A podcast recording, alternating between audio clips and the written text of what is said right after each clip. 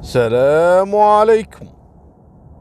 قصتنا عن رجل ينقال له قاسم من أهل محافظة لحج عام 1980 هذا الرجل يشتغل في الزراعة عنده أرض وارثها من أبوه وعنده أولاد اثنين فهد وأمين.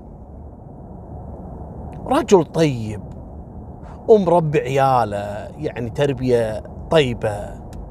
والناس كلها تحبه ويعطف على الفقراء. صحيح إنه هو يعني رجل وضع المادي جدا تعبان لكن من منتجات هالأرض هذه كان دائما يتصدق. والله مبارك له. المهم يوم من الأيام قام وزوج عياله فهد وأمين. ومع مرور الأشهر والسنين فهد رب العالمين رزقه بعيال. ثلاث أولاد وبنتين. أما أمين سبحان الله خلفته كلها بنات. وصلوا بناته تقريبا سبعة. ويتوفى أبوهم قاسم. المهم الناس حضرت العزاء وكذا وسيرته طيبة قاسم هذا الله يرحمه. وعياله تأثروا وأحفاده كذلك صغار إلى الآن. حزينين على جدهم وأهل القرية كلهم كانوا زعلانين على قاسم. إنسان في قمة الأخلاق والطيبة. بعد ما خلصوا العزاء ويجي فهد حق أخوه أمين. قال له يا أمين أبي فاتحك موضوع وكذا. قال له آمر يا فهد. قال له الوالد الله يرحمه يعني توفى وكذا وإحنا يعني لازم نرتب أمور تقسيم الورث. قال له حاضر ما عندي مانع. نروح حق القاضي علشان يكون التقسيم تقسيم شرعي. قال إي أكيد ما في مشكلة. فعلا بعدها بأسبوعين راحوا لأحد القضاة المعروفين عندهم في المنطقة وقالوا له أبونا توفى وهذه الورقة فيها جميع الممتلكات اللي نملكها. ما عندنا إلا مزرعة ويعني آلة حراثة وكذا. يعني شغلات بسيطة ومنها الحلال يعني أغنام بسيطة وحمام ودجاج وكذا. قال لهم القاضي ما في مشكلة إن شاء الله أنا خلال أيام أبلغكم متى تجون وراح أقول لكم القسمة اللي راح تكون بينكم. قالوا إن شاء الله. مشوا. ورجع فهد البيته ورجع أمين البيته وتقوم زوجة فهد تلقاه عند الباب. قالت له فهد أنت وين كنت؟ قال كنا عند القاضي بس أعطيناه يعني الممتلكات اللي الورث حق الوالد الله يرحمه علشان يقسم بيننا. قالت له يا غبي أنت الحين ما تدري إن خلفة أخوك أمين كلها بنات؟ قال اي أدري. شنو المشكلة يعني؟ قالت اذا خلفتها كلها بنات. وأنت قسمت الحلال بينك وبين أخوك. وبكرة يموت أخوك وبناته يورثون. قال اي صح. يعني هذا هذا القسمة. شنو المشكلة يعني؟ قالت شنو شنو المشكلة؟ أنت تدري يعني بكرة إذا بناته اللي ورثوا يعني يروح حلال الحاج قاسم الله يرحمه إلى ناس غرب ما لهم علاقة. غلط هذا. قاعد يفكر قال إي والله صح بس بس يعني أنا شنو ممكن أسوي يعني؟ قالت له أنا عندي لك خطة. منها تقنع أخوك ومنها إن نحافظ على هالممتلكات. قال له شلون؟ قالت له روح قول حق أخوك أمين. يا أمين أنت خلفتك كلها بنات. وأنا أخاف يعني نقسم الورث وأنت بكرة يورثونك بناتك ويأخذون أزواجهم هالحلال وحرام وهذا يعني ورث أبوي وجدي وكذا. و... قول له أنا راح أحافظ لك على حلالك. يعني ما له داعي إن نقسم الورث بيننا. خلني أنا أدير المزرعة مثلا وأدير هالممتلكات وأنا شهريا أصرف عليك وعلى بناتك. حتى لو انه يعني بعد عمر طويل أنت توفيت أنا راح أعطي هالأجرة هذه حق بناتك ويبقى حلالنا طول العمر. قال والله فكرة.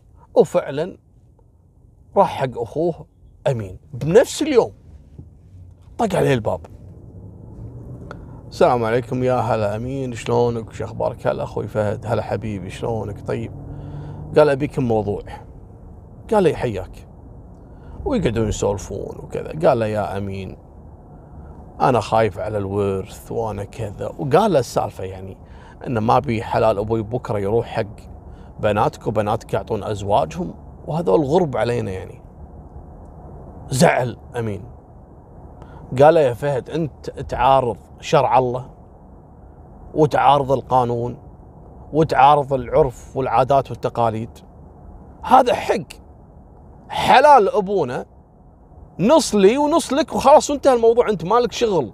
أنا حلالي وين أوديه؟ وليش تفاول علي إني أنا أموت وأموت وأموت يعني؟ ليش مو أنت اللي تموت يعني؟ الأعمار بيد الله يا فهد. الكلام هذا اللي قاعد تقوله غلط. قال ما يخالف يا أمين ليش تقسم الحلال؟ خلني أنا أدير لك وأعطيك أحسن ما يروح حق الغرب. قال له يا فهد إحنا رحنا حق القاضي واتفقنا من البداية. أنا أبي حقي وأنت خذ حقك إن شاء الله تولع فيه. مالك شغل فيني؟ طلع فهد من عنده زعلان وراح البيت. وقاعد يفكر. قالت له زوجته ها إيش صار؟ قال لا رفض وعصب. قالت مثل ما توقعت. أخوك هذا يبي يعطي الحلال حق بناته. وهذا يزيد قهر. شلون يعني؟ قالت يعني حلال أبوك وجدك راح يروح للناس الغرب. واللي تزوجون الحين ويتقدمون حق بنات أمين كلهم طامعين بفلوس الورث والحلال هذا. أو فهد يولع قال شو أسوي؟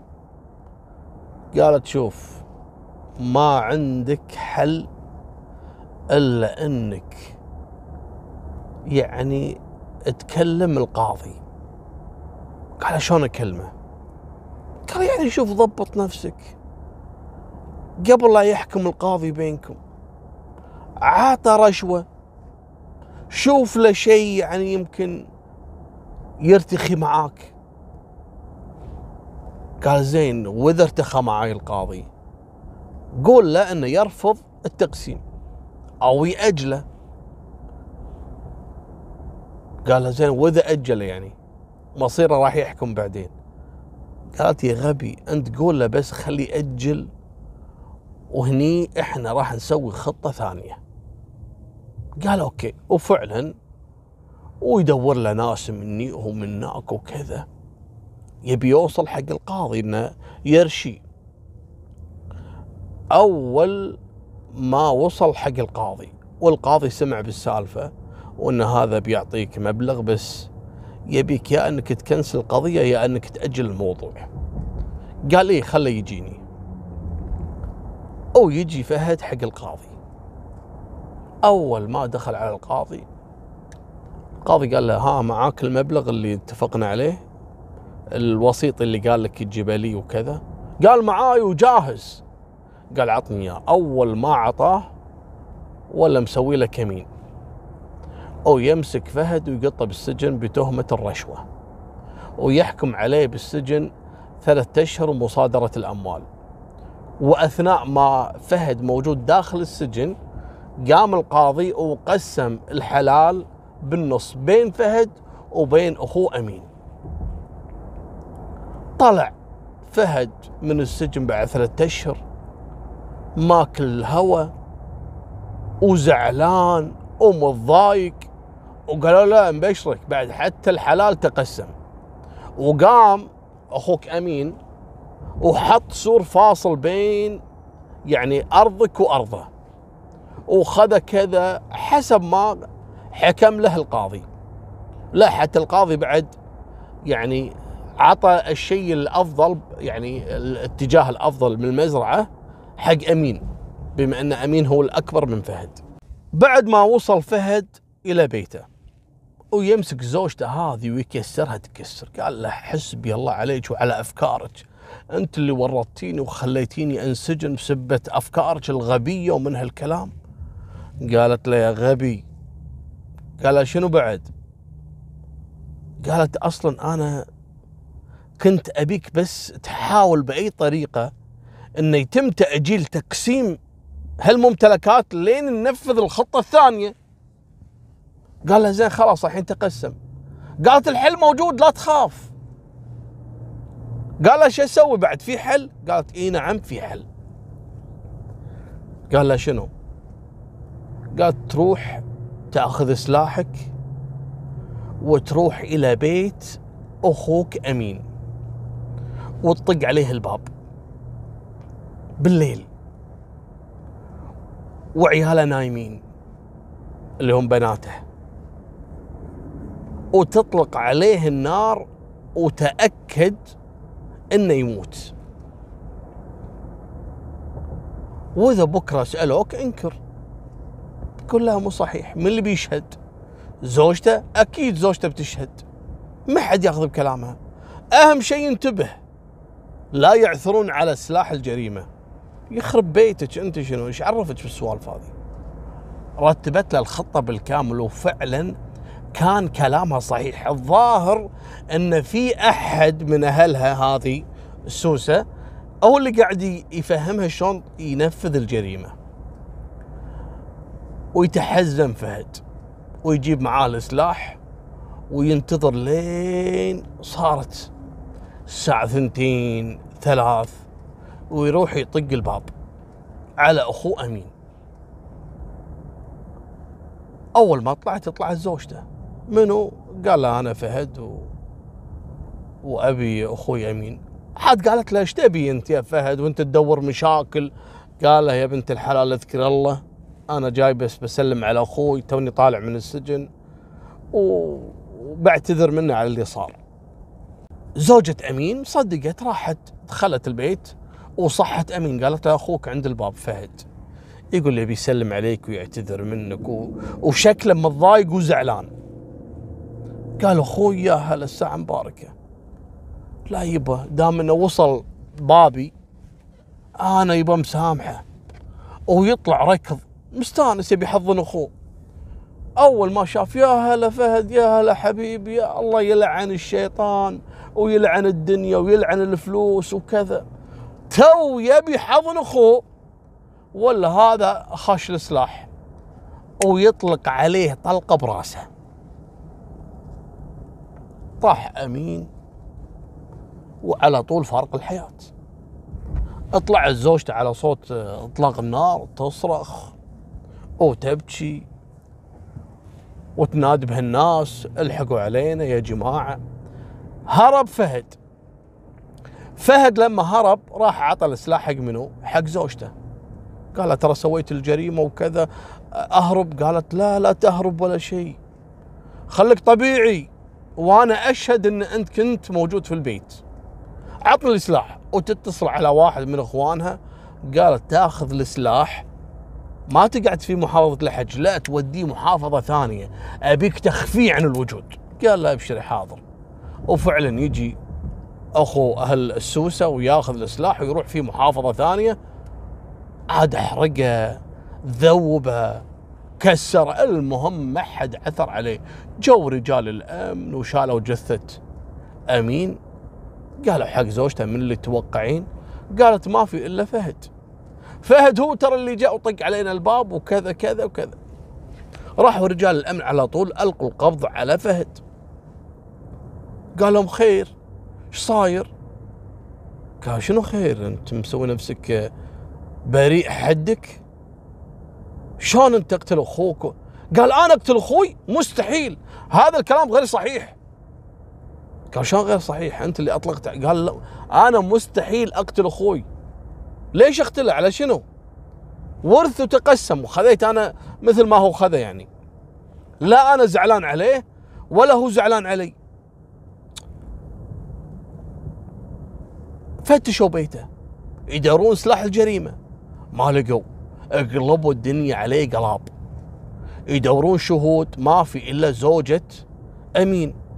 والزوجة أكيد بتشهد. قال يبا إذا هي زوجته تشهد. إن أنا اللي قاتل أخوي استدعوا زوجتي واسألوها وقت الجريمة اللي قاعد تتكلم عنها أنا وين كنت موجود؟ أنا كنت موجود في البيت قالوا خليك لحظة شوي ويروحون يجيبون زوجة فهد قال زوجك وين كان موجود؟ قالت عندنا في البيت لين جيتوا أنتم وخذيتوه من ساعة كم جاء البيت؟ قالت لا يبا هو أصلا أول ما تكون الدنيا مظلمة شوي المغربية يعني. يكون موجود في البيت ما يطلع. متأكدة؟ قالت تقسمين؟ قالت أقسم إنه كان موجود. حسبي الله عليك. المهم رجال الأمن ما عندهم مشتبه ثاني ابدا وأمين هذا في قمة الأخلاق. لكن زوجته متأكدة مليون بالمية ان فهد هو القاتل. المهم احجزوا فهد ومحاكمه وكذا لمدة سنتين. ما أثبتوا عليه أي شيء ولا في سلاح جريمة ولا في شاهد غير زوجته ولا وهو عنده كذلك إثبات نفي اللي هي زوجته اللي تشهد وتحلف وتقسم. ويطلعون فهد بعد سنتين بضمان ويرجع لبيته. الحين صار منو اللي وصي على ممتلكات اخوه أمين. كلهم بنات خلفته وزوجته. دايركت انتقلت الوصاية للعم اللي هو فهد. ويقوم فهد ويرجع الحلال كله مع بعض. يعني مزرعته ومزرعة أخوه صارت واحد والحلال واحد. المهم وتروح الأيام وتجي الأيام. وفهد تعامله مع بنات اخوه تعامل سيء جدا. يستحقرهم ولا وخصوصا الزوجة هذه اللي شهدت عليه. وكل ما يشوفها ها أنا اللي تتهميني إني أنا قتلت أخوي.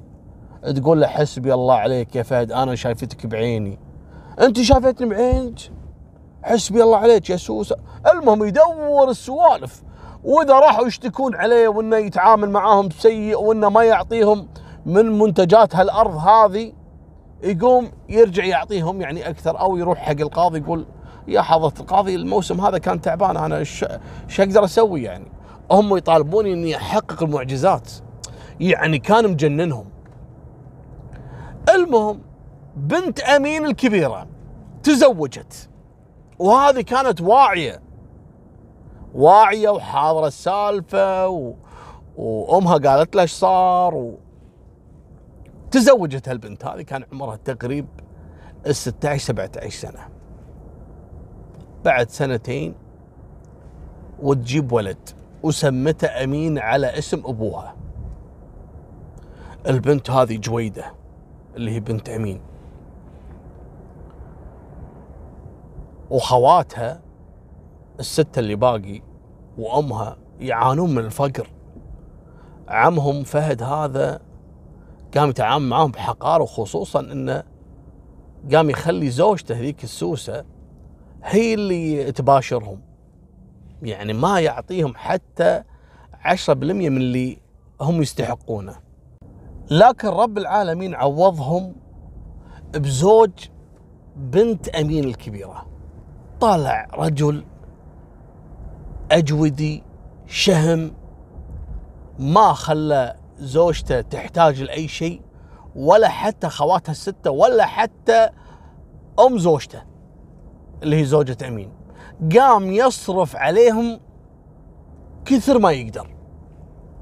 يعني سخر نفسه لخدمة هالعائلة. عمهم ماكل حلالهم ومقصر عليهم وهذا غريب بس عشان ماخذ بنتهم يصرف على هالعائلة. وأبدا رجل طيب خلوق متدين يعني ملتزم وكذا وتمر 21 سنة ويكبر ولد بنت أمين الكبير اللي هو أمين اللي يسموه أمين. ربته أمه على شنو؟ على الحقد والثار. كل يوم والثاني تسولف معاه شلون مات جده أمين. وأن فهد أخو جدك كلا حلالي اللي هي أمك وكلا حلال جدك وخواتي وكذا و... وتنمي فيه الحقد. يوم صار عمره 21 والولد اللي هو أمين هذا يعني صار بعد هم أكشر وقلب وتروح أمه وتبيع ذهبه وتشتري له سلاح. السلاح هذا من النوع اللي يشيل تقريبا سبع طلقات لكن هالطلقة هذه أكبر من طلقة الكلاش نفسه. هذه إن دخلت في جسم الإنسان ما يعين خير لازم يموت يعني من قوتها. وتشتري له السلاح شو تقول له؟ تقول له شوف يا ولدي أنت الوحيد الحين اللي لازم تاخذ حق جدك. لكن اسمع اللي أقول لك عليه. قال له شنو؟ قالت له أنا بروح معاك وبطق الباب على عمي فهد. إذا سمع صوتي راح يطلع وراح نجيهم بالليل. مثل الوقت اللي قتل فيه أبوي. وأول ما يطلع أبيك تعطيه طلقة في راسه. طلقة واحدة. لكن أبيها تكون قاتلة. وأول ما تقتله السلاح هذا لازم إنك تخفيه. مثل ما هو أخفى سلاحه وما أعثروا عليه من 21 سنة يوم قتل أبوي قال له حاضر.